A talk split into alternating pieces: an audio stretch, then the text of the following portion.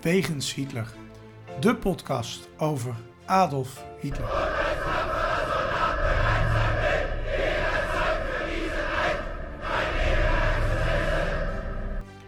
Dictator, alleenheerser van 1933 tot 1945. Een man met miljoenen doden op zijn geweten. Das war ein Befehl! Der Angriff Steiners war ein Befehl! Een man waar ongelooflijk veel verhalen over te vertellen zijn. Ook al die jaren na zijn dood. Adolf Hitler heute Nachmittag seinem Befehlsstand in der Reichskanzlei bis zum letzten Atemzuge gegen den Bolschewismus kämpfen für Deutschland gefallen ist. In deze podcast gaan Sjoerd en Niels van Andel de wegen van Hitler af. Ze kijken naar bijzondere plekken, naar vroeger, naar nu. En ontdekken samen met de luisteraar het bijzondere verhaal van de Führer van Nazi-Duitsland. Ja, Sjoerd, we zijn er weer met een reguliere uitzending. En daar zullen de luisteraars blij mee zijn. Ik denk het wel, want het werd wel eens tijd, hè? Ja, Al die precies. specials. Ja, al die specials en al die ongegeneerde reclame over jouw boek. Het verbaast me dat je nog tijd hebt. Ja, dat gaat ook bijna niet. Ik heb er allerlei eh, aanvragen liggen, dus ik Ja. moet, eh, ik moet mijn aandacht verdelen. Ja, maar je tv-carrière is niks meer geworden, hè? Heb ik Nee, idee. nee, jammer hè. Ja, we hebben daar op- over opgeschept. Maar Ja. eh, hoe heette die man ook alweer? Die ging voor Ronald Giphart of zo. Ja, ik weet niet. Schijnt bekend te zijn. Lullig schrijvertje, daar gaan we natuurlijk niet eh, te veel tijd aan volmaken. We, hebben- moeten ze misschien zijn verleden eens even gaan bekijken. Of daar misschien nog iets scheef zit. We hebben wel het een en ander gevonden weer eh, om een leuke uitzending te maken. Want we hadden beloofd, alweer een tijd geleden, het over Wenen te gaan hebben. Dus daar gaan we straks naartoe. Ja. Hitlers dagboek. Nein, nein, nein, nein, nein, nein! Hitlers dagboek. Waar was hij op welke dag en waarom? Ja, Sjoerd, een nieuw onderdeel. Goed om even toe te lichten. Ik was eh, fan van een podcast over Hitler, voordat Ja. we er zelf in Ja. begonnen. En ik miste daar wat dingen in, dus daarom hebben wij een eigen podcast gemaakt, waar die dingen wel in zitten. Ja, beter ook hè. Ja, beter vooral. Ja. Maar er zaten ook wel dingen in die podcast. Ik denk, ja, ik ga dat niet ongegeneerd stelen. Dat vind ik altijd een beetje triest als je dat gaat doen. Mhm. Maar die podcast is volgens mij gestopt. Dus toen dacht ik, ja, dan kaaien we het gewoon. Heeft hij zelfmoord gepleegd, eh, Hi- Hitler, Hitler in dit geval hè? Nee, nou, dat hoop ik niet dat de beste mannen dat... Nee, die jongens niet, die jongens niet. Nee, Nee, die beste mannen dat gedaan hebben, dat hoop ik van harte niet. Maar, ehm, nou ja, het is wel belangrijk, eh, vind ik, om toch te, te melden dat we het niet helemaal zelf bedacht hebben. Maar we gaan... Nou, ik wil dat dit, deze mag ik toch wel even claimen. ja, vind je dat Jawel, als je naar mijn website gaat, die er trouwens al heel lang staat, dan kun je van dag tot dag Hitler volgen in de timeline. Dus ik eh, voel mij niet eh, te onbescheiden om eh, dat even te noemen. Nee, dat, eh, daar was ik al bang voor. Maar dat was niet in de vorm van een podcast. Dus ik eh, alle eer aan, aan, aan de kerels die, eh, die, die... Maar misschien kunnen ze doorstarten. Ja, nou, misschien na deze oproep dat ze denken, joh, we worden gemist. Ja. Want ik was een trouw luisteraar. Maar goed, Ehm, Hitlers dagboek is een onderdeel waarin we de datum nemen waarop de podcast uitkomt. Ehm, dat is in dit geval 2 december. En dan Mhm. eh, heb jij een eh, boek eh, dikker dan de Bijbel waarin staat dat... Vier bijbels naast vier elkaar. Bijbels naast Ja. elkaar. Ja. Ehm, waarin precies eigenlijk staat op elke datum zo'n beetje wat Hitler heeft gedaan die dag. Ehm, dus ik ben enorm benieuwd. Wat deed Hitler op 2 december? Ja, hij, hij, hij was in het ziekenhuis geweest in eh Belitz bij Berlijn. Dat ligt aan de zuidkant van Berlijn. Daar was een, een, een soort ziekenhuis waar de mannen uit de Eerste Wereldoorlog naartoe gingen. En eh, op de, eh, de 2 december van 1916 pakte hij de trein, ging hij terug naar München. En ehm, eh, ja, ging hij weer bij zijn, bij zijn troepen. Zich, ja, zijn, zijn eigen regiment lag in, in, in, in België, in Noord-Frankrijk, in die regio. En hij ging in München weer het leger in naar zijn kameraden. Ja, eigenlijk wel bijzonder. Meneer had weer eens iets overleefd. Ja, hij, hij was gewond geraakt in het dorpje Le Barque. Ik weet niet of iemand dat kent, maar het is eh, ergens een heel klein gat. En daar was een regiment ho- eh, hoofdkwartier en nou ja, hij lag daar in de ingang met een stel mannen. En daar kwam een, een, een, een inslag van een, eh, van een bom of van een, weet ik veel wat, wat ze daar door de lucht schoten. En nou ja, ehm, hij heeft een aantal verwondingen, moet toch naar Duitsland om verpleegd te worden. Mhm. En wordt ge- weggetransporteerd met een trein. Nou, Maar ja, dat- nu is hij alweer op de dat- terugweg. Hij, is alweer, hij gaat alweer terug naar, eh, Ja. naar München nu, hè? ja, 2 Ja, december 2 december 1916. 1916. Ja. Hitlers dagboek. Ja, Sjoerd. ehm, nou, ik vind het een leuk onderdeel. Ik vind dat we dat hadden we eerder moeten doen. Ehm, we zijn natuurlijk, eh, de podcast gaat uiteindelijk om een plek of een verhaal. En we hadden Ja. beloofd het over Wenen te gaan hebben. Want dat is een tijd die toch ehm, best nou ja, bijzonder is eh, Ja. in Hitlers leven. Een belangrijke periode. Mhm. Ehm, na de dood van zijn moeder ook eh, ehm, is hij daar veel, als ik me niet vergis. ja, ja, daar hebben we het ook over gehad, hè? Bij, eh, over de jeugd van Hitler. Ja, Dat, eh, precies. En eh wij eindigden daar eigenlijk bij Wenen. Dat, dat was een beetje ons Ja. eindstation. Ja, ja. We hebben de Open Salzberg nog tussendoor gedaan. Maar Wenen, ja, daar moesten we het over hebben. Dus ik stel voor dat we snel naar de plek gaan ehm, over Wenen. De plek. Een bijzondere plek of verhaal over Hitler. Ja, Wenen. Ehm, hoe kwam Hitler daar eigenlijk terecht, Sjoerd? Ja, nou ja, we hebben het er dus al eerder over gehad. Hij was er ook al een paar keer eerder geweest. Eh, in de stad, eh, gewoon even een paar dagen op vakantie. Eh, ik weet niet precies waar hij verbleef dan. Maar hij ging echt definitief naar Wenen na de dood van zijn moeder. Ging hij weer terug. Hij had er al een tijdje wat langer gezeten. Ging daar samen met zijn vriend op kamers. En hij had daar in ieder geval een missie, want hij wilde naar de kunstacademie. Nou ja, als, als, als fanatiek tekenaar, schilder. ehm, nou ja, wilde hij daar naartoe. Ja. Hey, en ook in het, ja, als je een boek over Hitler leest en ook artikelen, dan, dan wordt echt best wel veel gezegd over Wenen als een heel belangrijke plek in ontwikkeling van Hitler. Maar Ja, ja. s- ehm, ja, speelde, speelde Wenen nou echt zo'n belangrijke rol of was dat toch ehm München meer? Hoe zit dat nou precies? Ja, dat, dat is een hele, hele beroemde discussie onder historici. Die, eh, die, die eh, nou, vochten elkaar de tent uit, wou ik bijna zeggen. Maar dat ging me- netjes met woorden en zo. Ehm, eh, je, hebt, je hebt zeg maar ehm, het idee van, van, van Wenen is dat eh, eh, daar vond Hitler eigenlijk zijn, politieke standpunten. En dan is het idee van, ja, of de discussie is dan van, hey, eh, waar, wat was nou het belangrijkste in die ontwikkeling? Wat heeft nou de meeste impact gehad? Nou ja, dan moet je Wenen moet je eigenlijk plaatsen. Volgens mij kan het namelijk NN als, als plek waar die voor het eerst met heel veel politiek te maken krijgt en met heel veel uh, landspolitiek ook. En heel veel ideeën tegenkomt die, die, die, die je later bij hem terug eh, ziet. En daar gaan we het vandaag ook over hebben. En München is dan de plek waarin hij na de Eerste Wereldoorlog echt dat- dat in de praktijk gaat brengen bij een, bij een politieke partij.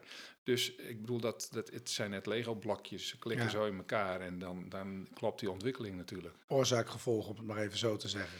Ja, ja, Ja. ja. Ehm, ja, we hebben in de aflevering over de jeugd van Hitler hebben we het gehad over dat die familie Hitler die had wat met verhuizen. Ze hadden beter een Oh, verhuisbedrijf kunnen Begin je beginnen. daar nou weer over? Eh, ja, maar ja, ook in Wenen had Hitler wat met verhuizen, want hij woonde wel op veel verschillende plekken. Ja, hij heeft op verschillende kamers gewoond. In het begin met zijn vriend uit Linz, dat is August Kubitschek. Daar had hij ook Wagner mee ontdekt. En die, dat was een muzikant. Die ging in, die ging in, eh, in, in, in eh, Wenen ging die muziek studeren. Beide vol van kunst. Eh, hij, hij, hij, hij kende die stad ook al een beetje en zo. En die, die August kende die stad dan niet. En die, hij liet hem zelfs de hoerenbuurt zien en zo. En dan eh, maakte hij zich heel erg druk om hoe verderfelijk dat was. Oké, ik wil al zeggen, want het lijkt me niet iets waar Hitler echt fan van geweest zou kunnen zijn. Nee, nee. Dus later in de, in de Eerste Wereldoorlog ook bezondigden heel veel soldaten zich eraan, maar daar moest hij echt niks van hebben. Zijn de verhalen hoor, ik was er niet bij. Oh, Maar eh, nou, ja. je ziet er wel uit alsof je uit die, uit die tijd komt. Ja, dat klopt. Ja. ja, ik loop ook wat mank en zo. Maar eh, nee, ja, weet je, hij, hij, hij woonde in verschillende kamers. En, eh, en, en dan, ja, op een gegeven moment is hij is die verdwenen. Eh August Kubitschek die komt terug en die kamer is leeg. Eh, Hitler is er niet meer. En dan heeft hij een andere kamer gehuurd. Ehm, vervolgens eh, heeft hij blijkbaar een tijd niet zoveel geld en komt hij op straat tere- terecht, heeft hij een tijdje ge- ge- rondgezworven en, daarna komt hij in een oude mannenhuis terecht. Dus de, hij, het, het hopt maar door. Ja, hij heeft dus eigenlijk een leven dat niet echt vol luxe glamour zit. Een leven in armoede. Ja, ja. Ja, ik, ik denk dat daar een deel waar van is, als ik het zo begrijp in de, de verschillende bronnen. Mhm. Maar ehm, het is ook wel aangedikt. In, in mijn kamp is het natuurlijk wel stoer als je vertelt van eh, in, in jouw jeugdverhaal dat je ook in armoede geleefd hebt en dat je de arbeider goed begrijpt. Mhm. Dus, ehm, eh, ik, maar ik hij heeft waarschijnlijk wel rondgezworven en eh, een tijd lang niet zoveel geld gehad. Hij, hij kreeg op, wel een erfenis, die zat, lag op hem te wachten, maar die kreeg hij pas later omdat hij nog niet oud genoeg was om die te krijgen. Dus daar lag wel wat geld wat hij kon gebruiken en hij kreeg ook wel eens wat van een tante. Ehm, maar eh, nou ja, hij, hij moest soms ook eten halen bij de daklozen. Zo. Dus dat, ja, de- Dus zo, zo rijk niet. eindigt... eh, hè? Ja, hoe dat, hoe, ja, la- later had hij daar niet zoveel problemen Nee, mee. eh, nee, kreeg hij gewoon te eten tot bitter eind. Ja, Maar, ik zou zeggen, was hij daar maar gebleven. Ja, ja. Nou, in, de- in dat tehuis, dan, dan, dan begint hij een handeltje. Dan, dan tekent hij en dan maakt hij zijn ansichtkaartjes en die verkoopt hij dan. En, en met een kameraad van hem, een beetje een halve crimineel, die verkoopt dan die, die kaartjes. En dan eh, Mhm. nou, neemt dat crimineeltje neemt dat meer geld voor, voor zijn rekening dan, dan Hitler krijgt. Maar eh, nou ja, zo, zo, zo, zo rommelt hij een beetje daar. Ja. Hitler heeft zijn hele leven een ongelofelijke waardering ehm, voor kunst en heeft er heel druk mee. Hij is zelf ook eh, kunstschilder. En Wenen is ook de stad van die kunstacademie. Ja, ja, ja, dat was een desillusie voor, eh, voor de beste man. eh, die, Als je het zo mag zeggen. Hè? Ja. als je dat zo mag zeggen. Ja. Ja. Ja, Nou ja, hij was toen nog jong, had nog niks mi- misdaan. Ehm, ja, weet je, hij, hij, hij woonde daar op kamers, had zich ingeschreven. Eh, moest eh, proef tekenen. Hij ging naar die academie toe op een, op een goede dag. En eh, ja, dat het mislukt. Zijn tekeningen waren niet goed genoeg. Hij had geen enorme portfolio zoals anderen misschien dat wel hadden. En ehm, ja, er, er komt een opmerking bij zijn tekening te staan dat hij misschien beter zich bezig kan houden met architectuur. Ja, dat, dat, kijk, iedereen kon natuurlijk zien dat hij die opleiding nooit gedaan had. Dus dat komt ook gewoon in mijn kamp te staan. Ja. En daar gaat hij ook verder niet over liegen. Maar hij, hij, dan pimpt hij dat, dat, dat, dat verhaal van die architectuur wel redelijk op. Van Ja. ja, zie je wel, ik had dat wel degelijk talent, maar misschien zat dat wat meer in die hoek. Eh, wat overigens interessant is, hij is nog een tweede keer, is die, eh, is die eh, nou nee, hij is er niet eens geweest. Hij heeft zich bij een meneer gemeld die contacten had met, met de academie. Mhm. En die zei, ja, je mag, je mag nog een keer proberen. En toen op het moment, op, op het moment dat hij daar naartoe mocht, dat de datum weer was, dat hij kon proeftekenen, et cetera, durfde hij niet. Hij kwam in ieder geval niet opdagen. Dus dat, eh, maar hij was gek op die stad. Want dit, er staan van die prachtige gebouwen, parlementsgebouwen en eh, theaters en zo. Dus met architectuur had hij ook wel wat. Daar Mhm. was hij al, eh, al van onder de indruk voordat hij daar woonde. Ja, en dat komt dus ook terug. Ehm, soms zou je toch hopen dat, dat, dat, dat de beste man was toegelaten tot de kunstacademie. Ja, ja, het maakt me niet uit dat hij heel veel geld had verdiend of zo. En dan, eh, er is ook een, een, een, soort roman over geschreven. Van wat was er nou gebeurd als, eh, als, als, als hij daar eh, nou, schilder was geworden. Een Ja. absurd boek. De hele, ik, weet, ik weet de titel zo niet, maar heel Ja, ik, grappig. schijn, ik denk dat ik het ook wel eens heb gelezen. En dan, eh, je hebt twee tijdlijnen en dan geloof ik, er komt wel een Tweede Ja. Wereldoorlog. Maar een heel beperkte, dat Polen wordt bezet en is het gewoon klaar ook. Ja, ja, dat Zonder is... Hitler aan de macht. Het is wel een eh, goed boek, maar Ja, ik kom ja, niet op de titel. nee. Ik heb het gelezen voor Oh. mijn lijst, eh Sjoerd. Oh, wat leuk joh. Ja, nou zwaar onderhandelen met jouw collega, want het was eigenlijk geen Nederlandse schrijver. Maar ik geloof dat ik ermee weggekomen ben. Oh, wat goed. Hè. Ja, ja, Ja. Ik, ik had dat misschien ook wel goed gekeurd. Hey, eh, Wenen was van grote invloed op Hitler. Op welke manier, eh, naast de kunstacademie eh, wellicht? Ja, nou ja, dat was natuurlijk snel over, hè, dat, dat idee. Dus nee, dat was de basis voor zijn visie. Dat, dat schrijft hij zelf hè, in, in, Mijn Kamp ook weer. Ehm, en en, en, je, de, de ingrediënten voor, voor, voor een, een politieke toekomst liggen daar ook wel. Dat, dat weet je natuurlijk helemaal niet, dat wist hij ook niet. Maar in Linz natuurlijk veel minder. Ehm, hij, hij, komt daar bijvoorbeeld in het parlement. En wat je, wat je daar hebt in dat... Het is dan al Oostenrijk, Hongarije... maar er, wa- waren heel veel bloedgroepen in het oude Oostenrijkse keizerrijk. Ehm, en daar in het parlement ontstaan gewoon keiharde ruzies... tussen die verschillende eh, bloedgroepen uit verschillende landen. Uit de Slavische landen en, en, nou ja, en de Duitse, eh, Duitse landen. En tot ordinaire kloppartijen aan toe. En daar schijnt hij ook getuige van geweest te zijn. En dat, ehm, dat vormt bijvoorbeeld zegt hij zelf, zijn visie op een parlement. Maar een parlement, eh, weet je, dan kun je met z'n allen een beetje stemmen. Dan heb je meerderheid en die meerderheid is dan verantwoordelijk. Maar het zijn er zoveel, je kunt niemand aanwijzen die uiteindelijk verantwoordelijk is voor, eh, voor, wat er gebeurt of wat er misgaat in het land. Je kunt beter een dictator hebben, want die neemt dan de volle verantwoordelijkheid. Zoals Hitler ook de volle verantwoordelijkheid heeft genomen aan het einde van zijn leven, toen heel Duitsland ingestort was. Ja. Ik ben nu cynisch. Hè? Ja, nou, je. ik wou net zeggen, ik heb toevallig gisteren zijn, eh, als voorbereiding op deze podcast en nog wat andere afleveringen, zijn politiek en levenstestament gelezen. Het was niet heel lang, dus het was te doen. Nee, nee, hij had ook niet zoveel tijd meer. Hij was wat gehaast, had ik het idee, na zijn vorige uitgaves. Maar eh, erg veel berouw vertoonde hij niet. Nee, Nee, nee, we begon gewoon nog een keer opnieuw, hè? ja, precies. Ja, Ja, het ja, allemaal een andere. Maar goed, Sowieso. hij eindigde zelfs met dat de Joden het allemaal hadden gedaan. Ja. Maar op topic voor een andere keer. We gaan Ja. terug naar, eh, naar Wenen. Ja, wa- wat hij daar ook heeft, en dat is een interessante. Kijk, met al die gemengde volken en zo daar, of, of die mengvorm in dat parlement, eh, eh, ziet hij de Duitsers als cultuurdragers. Hè? Dat, dat, is, dat is de ubermensch, zeg maar, de, Ja. de, de gedachte. Maar die, dat ziet hij dan ook echt. Dus zijn Wenen. rassenleer komt daar al eigenlijk... Ja, daar komt nog veel. Dat, daar hebben we het straks ook nog over. Ja, dat, dat, ja maar vooral dat, dat die Duitsers eh, daar eigenlijk het, het meeste in te brengen hebben en de mooiste dingen bouwen en eh, eh, verantwoordelijk zijn voor de meeste rijkdom. Ehm, en da- daar is ook een al-Duitse beweging in, dat, in, in die stad. Ehm, en dat betekent dat, dat ze willen dat eigenlijk die partij die wil dat al die Duitsers samen zijn. Dus ook met Duitsland en ook nou ja, dat dat eigenlijk, eigenlijk één volk is. Het zou eigenlijk ook in één land moeten, moeten, nou, ze moeten wonen. Nou, dat komt me bekend voor, Ja, zeg maar van het. Ja, ik herken het wel. Dat- Licht hoor, maar ik moet zeggen, dat is een moeilijke vergelijking. Ja, ja, ja, is lastig, hè? Ja. Ja. De, eh, eh, ik, ik ben best schatplichtig aan eh, eh, Brigitte Hamann hier. Eh, dit is een boek, eh, dat heet Hitlers Wien, eh, Hi- Hitlers Wenen. Dat is, eh, dat is ook in het Nederlands te, te krijgen. En daar staat heel veel. En we- gaan een aantal van die dingen gaan we even langslopen, eh, als ik, stel ik voor. Eh, bijvoorbeeld rassentheorieën. Ja. Eh, want jongen, echt, die zijn me toch opvallend aanwezig. Dat is, eh, eh, je verwacht dat eigenlijk later, hè, maar in Wenen is het barst van, van, van de, eh, wat wij inmiddels noemen vreselijke theorieën. Ja, dat is ook een rijk, met, hè, wat je net al noemde, met heel veel verschillende rassen. Het is misschien ook Ja. een land waar dat Ja, snel ja, naar ja, boven kan komen. ja plus, een, plus een, een bijkomend gegeven, dat was dat in Rusland ehm, eh, allerlei pogroms plaatsvonden. En dan trokken die Joden die daar het slachtoffer waren, trokken naar het westen en kwamen ook in, in, in, in Wenen terecht. Dat ligt natuurlijk redelijk aan de oostkant van, eh, van eh, helemaal aan de oostkant van Oostenrijk. Ja, En, en ja, daar kwamen ze ook terecht. Dus dat, dat, dat, nou, dat had wel gevolgen eh, voor de volksopinie. Mhm.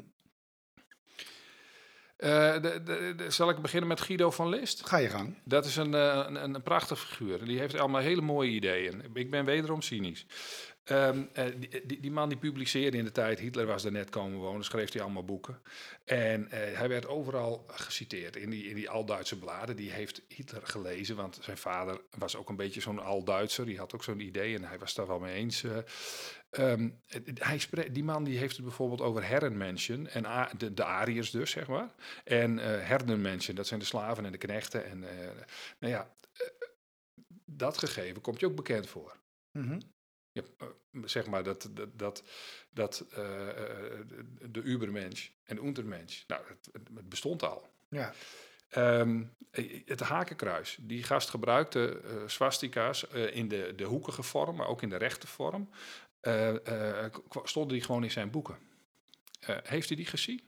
Nou, hij had misschien daarvoor al een keer een hakenkruis gezien, maar die gegevens waren bekend. Ehm, Dan, dan, eh, dan is, komt er op een gegeven moment een boek van die, van die, eh, van die Liest uit, von- Liest. En dat, dat heet Der Onbeziegbare. Dat gaat over een vorst en dat is een held. Hele sterke van boven, misschien wel door God gezonden of zoiets. En die zou, als, je, als je die volgde, dan zou je zeker zijn van de Endsiek. Doet me ook aan iemand denken. Ja, dat, eh, Hitler had het altijd over zijn endziek, hè? Ja, Ja, ja. dus eh na de, eind, de eindzegen is dat Ja. eh, vrij vertaald, hè? Ehm, nou waren er natuurlijk wel meer van dit soort figuren. Ehm, en nou, dat kun je lezen in, in dat boek, hè, wat, Ja, je, net, ja, ja. wat je net noemde. Heb, ik heb het niet gelezen, dus ik kan er ook weinig uit citeren. Ehm, maar even die politieke situatie in Wenen. Ja. Er zijn daar in Wenen figuren aanwezig Mhm. die Hitler in Mijn Kampf ook noemt. Wie waren dat? Ja, ja de, de beroemdste dat is uh, Schönerer en, en, en Luger. Mhm. En ehm, eh, ja, da- daar zitten weer allerlei eh, hele interessante punten in, in het leven van die gasten. Die, die, die, die- laten we beginnen met de, die Georg Schönerer. Dat is, een, dat is de leider van die al-Duitse eh, beweging. In, en die, en die, en die, eh, die zit in München, eh, of in, in München, die zit in Wenen en heeft daar een zetel in het parlement. Maar op het moment dat Hitler daar komt, verliest hij eigenlijk al zijn zetel. Is dat eigenlijk een beetje afgelopen. Maar dat is wel een man die past bij zijn politieke overtuiging. En ehm, Adolf Hitler was dan al wel iets eerder in Wenen, weet je wel. Maar, maar, maar ja, hij heeft die vent bijvoorbeeld nooit ontmoet, want dat, dat ging niet. Want eh, die was al in, in, twee, in, in, in 1907 was hij al weg. Nou, eh, eh, die Schönerer, dat was gewoon de Führer. Die werd ook Führer genoemd. Ja. Is dat nou ehm, eh, zo'n bijzonder woord daar in Duitsland? Want het betekent toch eigenlijk gewoon letterlijk leider? Ja, ja, dat is op zich dus ook helemaal niet zo bijzonder.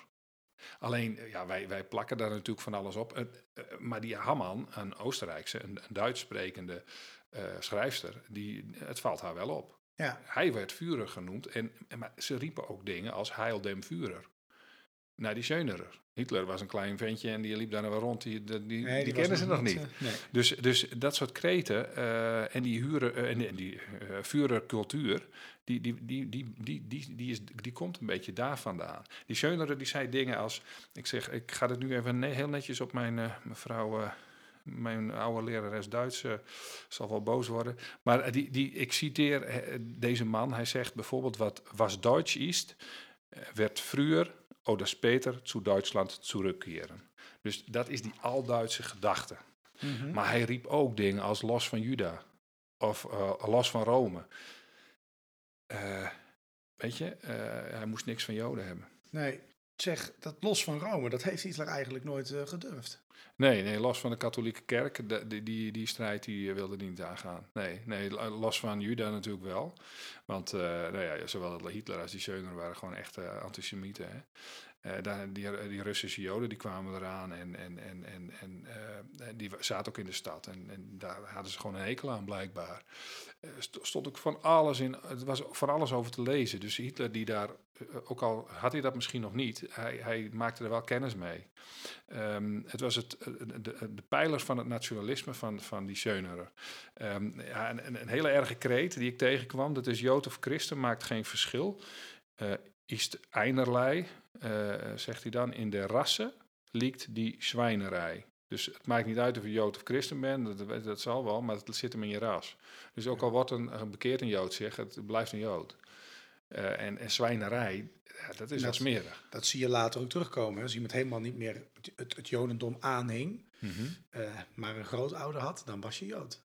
Ja, dan was je Of- Jood. Of, of ja. ik geloof Ja. tot een vierde in de familie zelfs, hè? tot Er twee waren generaties berekeningen voor en dan kon je dat precies, eh, eh, eh, ja, dan kon je dat precies berekenen Ja. wanneer iemand een Jood was en niet. En alleen als je een goede vriend had, dan kon die je nog misschien even helpen.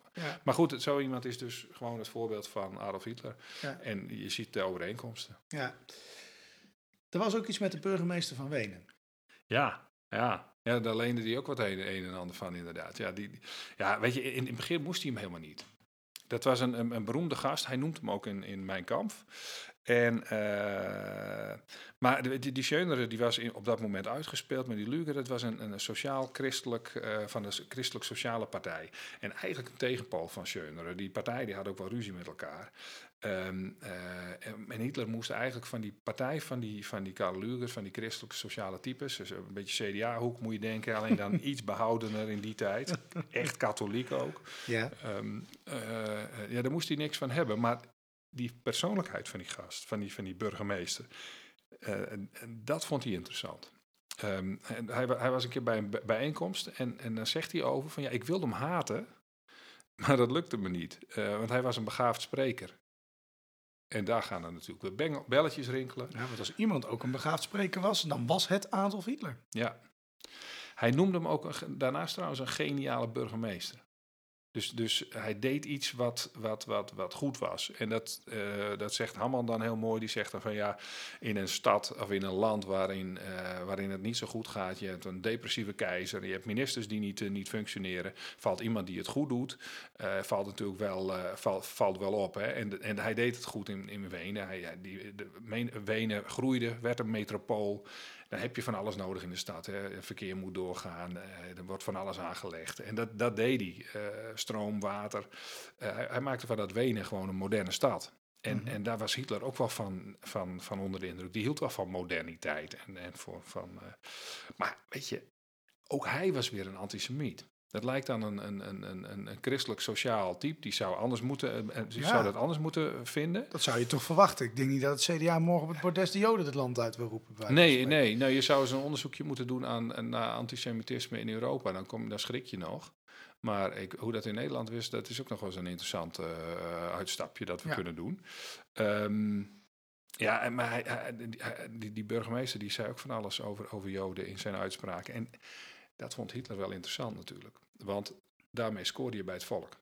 En eigenlijk zie je dat in alle tijden wel weer terug. Als je gewoon maar een paar eh, bevolkingsgroepen een beetje uitscheldt Mhm. dan, ehm, eh, ja, dan, dan raak je het volk. Hij praatte niet als een professor, zei hij over, over, over Luger, maar als iemand die iedereen kon begrijpen. En dat lukte dus met dat antisemitisme ook. Ja, niet als een bestuurder, maar echt als een man van het volk. Ja, ja, Ja. als je dat ervoor nodig hebt, dan... Ja, Ja, in gelul kun je niet wonen, dat zei een van onze socialisten. Dat vind ik ook vrij duidelijk, begrijpt ook iedereen. Maar dat gaat toch wel minder ver dan een bevolkingsgroep eh, de grond in. eh. inboren, uiteraard. Ja.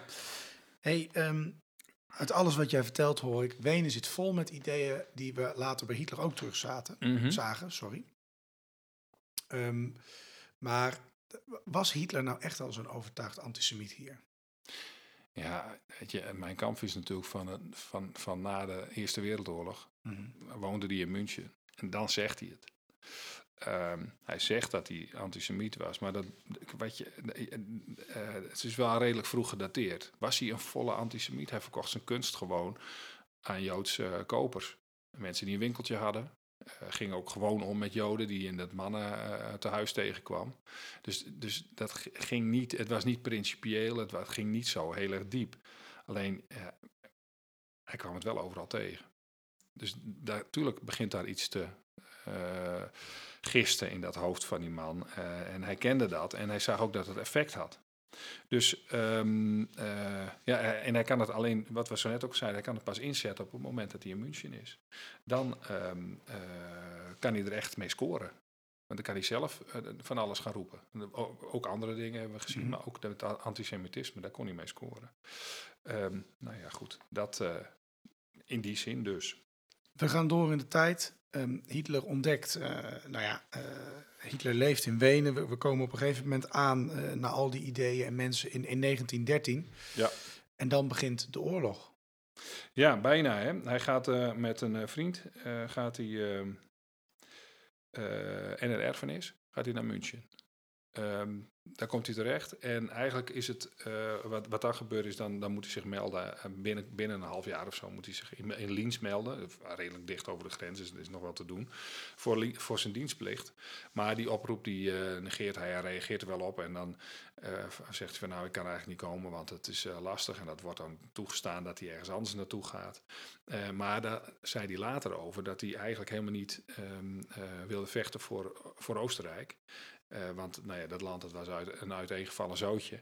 Ehm, eh, dat instortende rijk, daar wilde hij niet voor vechten, maar wel voor Duitsland. Dus ook dat gegeven, dat hij eigenlijk onder zijn dienstplicht eh, uitdook. eh, ehm, eh, dat gebruikte hij voor zijn propaganda voor dat al-Duitse idee. Ja. En ook daar blijkt me weer de grote Führercultus uiteindelijk weer doordringd te zijn. Ja, ja. Nou, we hebben nu eigenlijk in een eh, notendop, en ik moet zeggen, Sjoerd, je doet altijd je best om op de 20 minuten ongeveer je verhaal te doen. Het is je een keer gelukt, maar Nee. complimenten. ja, je bent trots op je. Maar we weten nu wat meer over Hitler's tijd in Wenen. Je, kunt, je, je kunt er veel meer over lezen als je dat, als je dat boek inderdaad aanschaft. Echt een prachtig boek voor de, voor de nou ja, geïnteresseerden. In Voor de echte kenners, zullen we ja, maar en daar zeggen, zie je veel meer van dat soort eh, parallellen en wat fotootjes erbij. Echt de Ja. moeite waard. Je zou dus kunnen zeggen eigenlijk, hè, iemand, ehm, er zijn heel veel eh, opvoedtheorieën. Hè. Je hebt een deel wat in je natuur zit, hè, dus in je Mhm. hersenen, maar ook iets wat uit je omgeving komt. Je zou misschien ook wel kunnen zeggen, ook Hitler is uiteindelijk gewoon gevormd door zijn omgeving. Ja, natuurlijk. Ja, ja. Ja, Ja. en hier zijn ideeën opgedaan om zo uiteindelijk zijn Ja, als je zeg maar een beetje een verrotte voedingsbodem hebt, dan, dan, dan, dan, dan groeit er misschien eh, wat lelijker planten dan. Ja, precies. Ja, maar goed. En, en zo, zo zie je dat hij uiteindelijk gevormd is tot de man die verschrikkelijke gruweldaden deed met zijn derde rijk. Ehm, nou, volgende uitzending natuurlijk weer meer met een nieuwe plek. Wenen. We gaan snel door ehm, naar het volgende onderdeel, de, de Ad Hitlerum. En eh, nou, ik heb er weer zin in. De Ad Hitlerum. Het onjuiste gebruik van Hitlers naam. Ja, Sjoerd, de Ad Hitlerum. De Ad Hitlerum is een beetje een eh, problematische zaak aan het worden. Ja, ja dat, dat wordt het. Ja, en het, het is namelijk zo, eh, wij bereiden dit natuurlijk voor. Het is niet dat we alles uit onze duim zuigen. Ehm, ehm, jij wel natuurlijk. Ik zit hier altijd streng voorbereid, maar... eh, Ja, ja ik, ik, zeg, ik, ik zeg ook maar wat, Ja, altijd. precies. Ja. het is net alsof we les staan te geven. Ehm, maar de Ad Hitlerum, eh, we zien zoveel voorbij komen, maar er is één groot probleem met alles wat zo'n beetje op dit moment voorbij komt. Het komt uit één hoek, Ja, Ja, voor Democratie. ja, dat gaat maar door. Het gaat maar door. En daar hebben wij besloten, we doen het nu nog één keer. Ja. Over Forum. We gunnen Thierry nog één keer zijn podium. Ja, we zouden kunnen zeggen van, we stemmen wel op hem, maar we willen toch even laten zien dat hij ad Hitlerums gebruikt. Maar ja, dan zouden we liegen. Dan zouden we liegen, precies. Ik, dat moet nog heel Maar we zijn er niet op uit Het om... is wel om- ernstig. Ik heb ooit wel op die man willen stemmen, dus hè. Maar dat was wel helemaal in het begin. Ja. Maar toen, vond ik ze, toen had zijn partij nog wel wat verfrissende ideeën. Maar het wordt nou wel hele frisse wind, zullen we maar zeggen. Ja, de Hele gure storm steekt op. Ja, Ja, precies. ja, het zijn vooral die, die rare vergelijkingen waar, waar, je, waar je fantastisch mee scoort, maar die inhoudelijk eh, Ja. niet zeggend zijn. Nee, het ging op een gegeven moment op een zondagochtend mis. Jij stuurt mij een appje eh, met een tweet van Thierry. De gevaccineerden, of de niet-gevaccineerden, zijn eigenlijk de nieuwe Joden. En dat was naar aanleiding van een artikel van Maurice de Hond, die niet zijn peiling, maar een brandbrief naar de Kamerleden stuurde. Hè? Ja, ja, ja. eh, eh, Maurice de Hond, die is ook al een beetje de gebeten hond in, in, in dit geval. Die heeft het een en ander, eh, nou ja, over mensen gezegd die ergens schuldig van zouden zijn, die dat niet blijken te zijn. Eh zit helemaal een beetje in de hoek van, van de argumentatie die je niet helemaal serieus kan nemen. Vindt hij zelf wel. Eh, heeft een trouwe schare fans en besluit dan eh, dit soort berichten te gaan versturen. Ja, ik vind het prima, maar graag gebaseerd op nou ja, normale argumenten. was een iets andere tijd wel. De, de, de coronacijfers waren iets minder ernstig. Hè? De, de gevaccineerden kregen de schuld, maar dat was allemaal niet zo. Ehm, eh, volgens hem. En uh, Thierry trok maar daar zijn de conclusie uit. eh, of de niet-gevaccineerden kregen eigenlijk de schuld, zo moet ik het zeggen. Ja, En Thierry trok zijn conclusie eruit dat ehm, wij, eh, of wij, wij niet, denk ik, maar eh, de niet-gevaccineerden de nieuwe Joden waren. ja en dat is niet, niet een uitspraak, eh, uitspraak van, van Maurice de Hond. Nee, absoluut niet. Ik vond het want ook ik, ik ben wat, wat negatief over, over de man, maar dat mag ik zijn. Hij mag dat ook over mij zijn. Ja. Maar ehm, eh, nee, dat, dat, dit komt voor, echt voor, voor, voor rekening van de, de mensen die daar stoer mee willen doen. Wat Maurice de Hond wel deed, en dat is eigenlijk op zichzelf ook een ad Hitlerum. Ik denk dat de Joden, vergelijking van Thierry, dat lijkt me helder. Ehm, wat Maurice zei was van nou, wat we nu zien gebeuren met de ongevaccineerden, dat ze straks meer niet, ergens niet meer naar binnen mogen, hè, met 2G als dat er zou komen. Ja. Eh, dat doet mij toch wel denken aan een tijd waar mijn opa en oma niet voor eh, zouden tekenen meer. Ehm, Ja, nou, Is dat dat is er een. Ja, Ja. ja, natuurlijk. Ja, die, ver, want die vergelijking. ehm, eh, geen enkele vergelijking gaat op. Je kunt, je kunt wel zeggen, je zou bijvoorbeeld kunnen zeggen, van in de tijd van, van, eh, eh, van de pokken-epidemieën en, en toestanden, er gingen heel veel mensen dood. Dat zou eventueel te vergelijken zijn met nu. Daar zag je ook zo'n soort tegenbeweging. En je kunt het allemaal wel duiden, maar je kunt niet zeggen van. eh, eh, je haalt er, ontneemt er geen argumenten aan. Dus ik weet niet wat je ermee wil zeggen. Je kunt wel een vergelijking maken, maar dan zou ik dus eerder zo'n pokkenepidemie nemen. Dan kun je dan kijken van hoe dat, hoe dat ging. Werd ook, werd ook mensen, kinderen mochten niet naar school. Eh, eh, toen ze, als ze niet de, eh, de, de- de, prik namen. ja, Dan had je dus wel een probleem. Dan lag je, in die, zeker in die tijd, je opleiding lag dan mooi stil.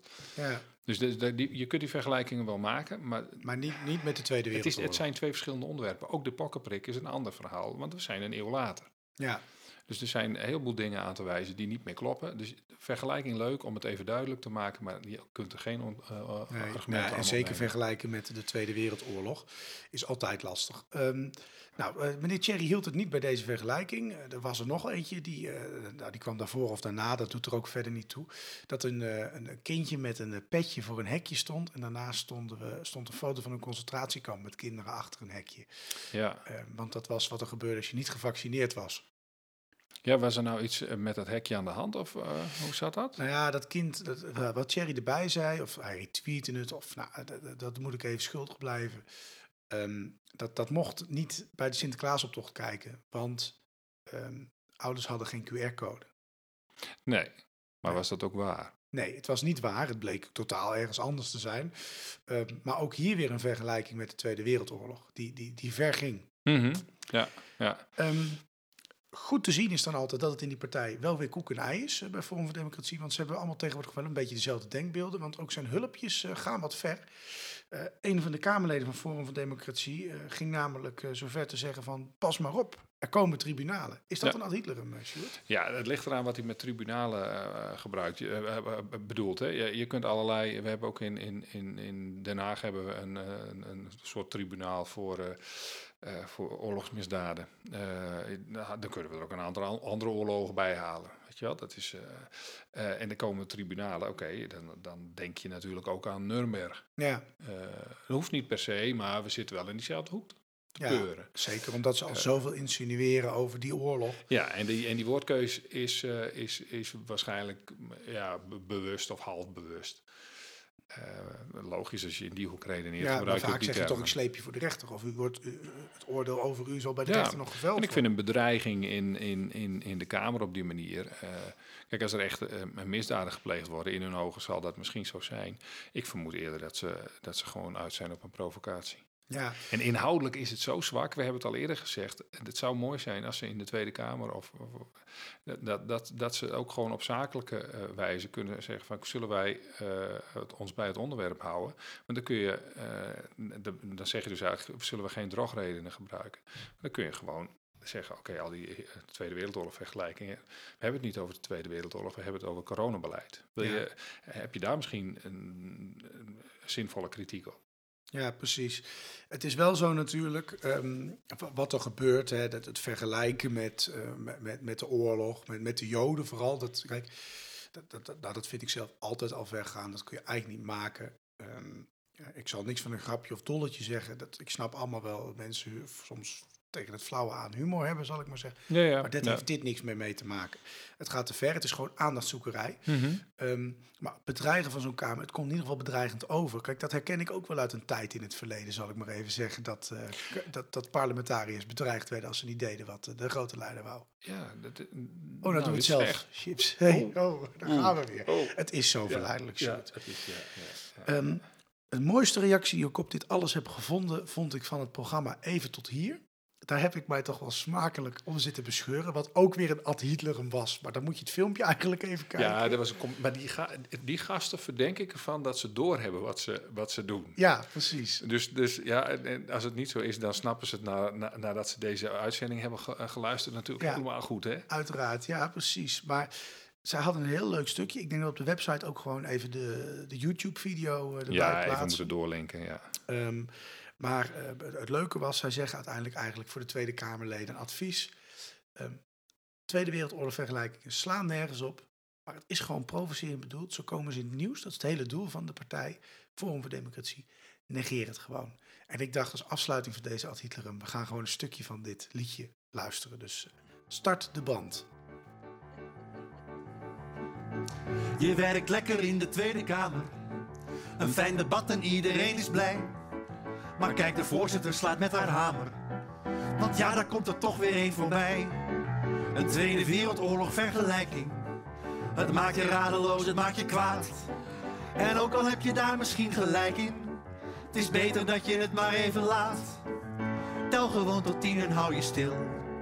En denk maar als je reageren wil.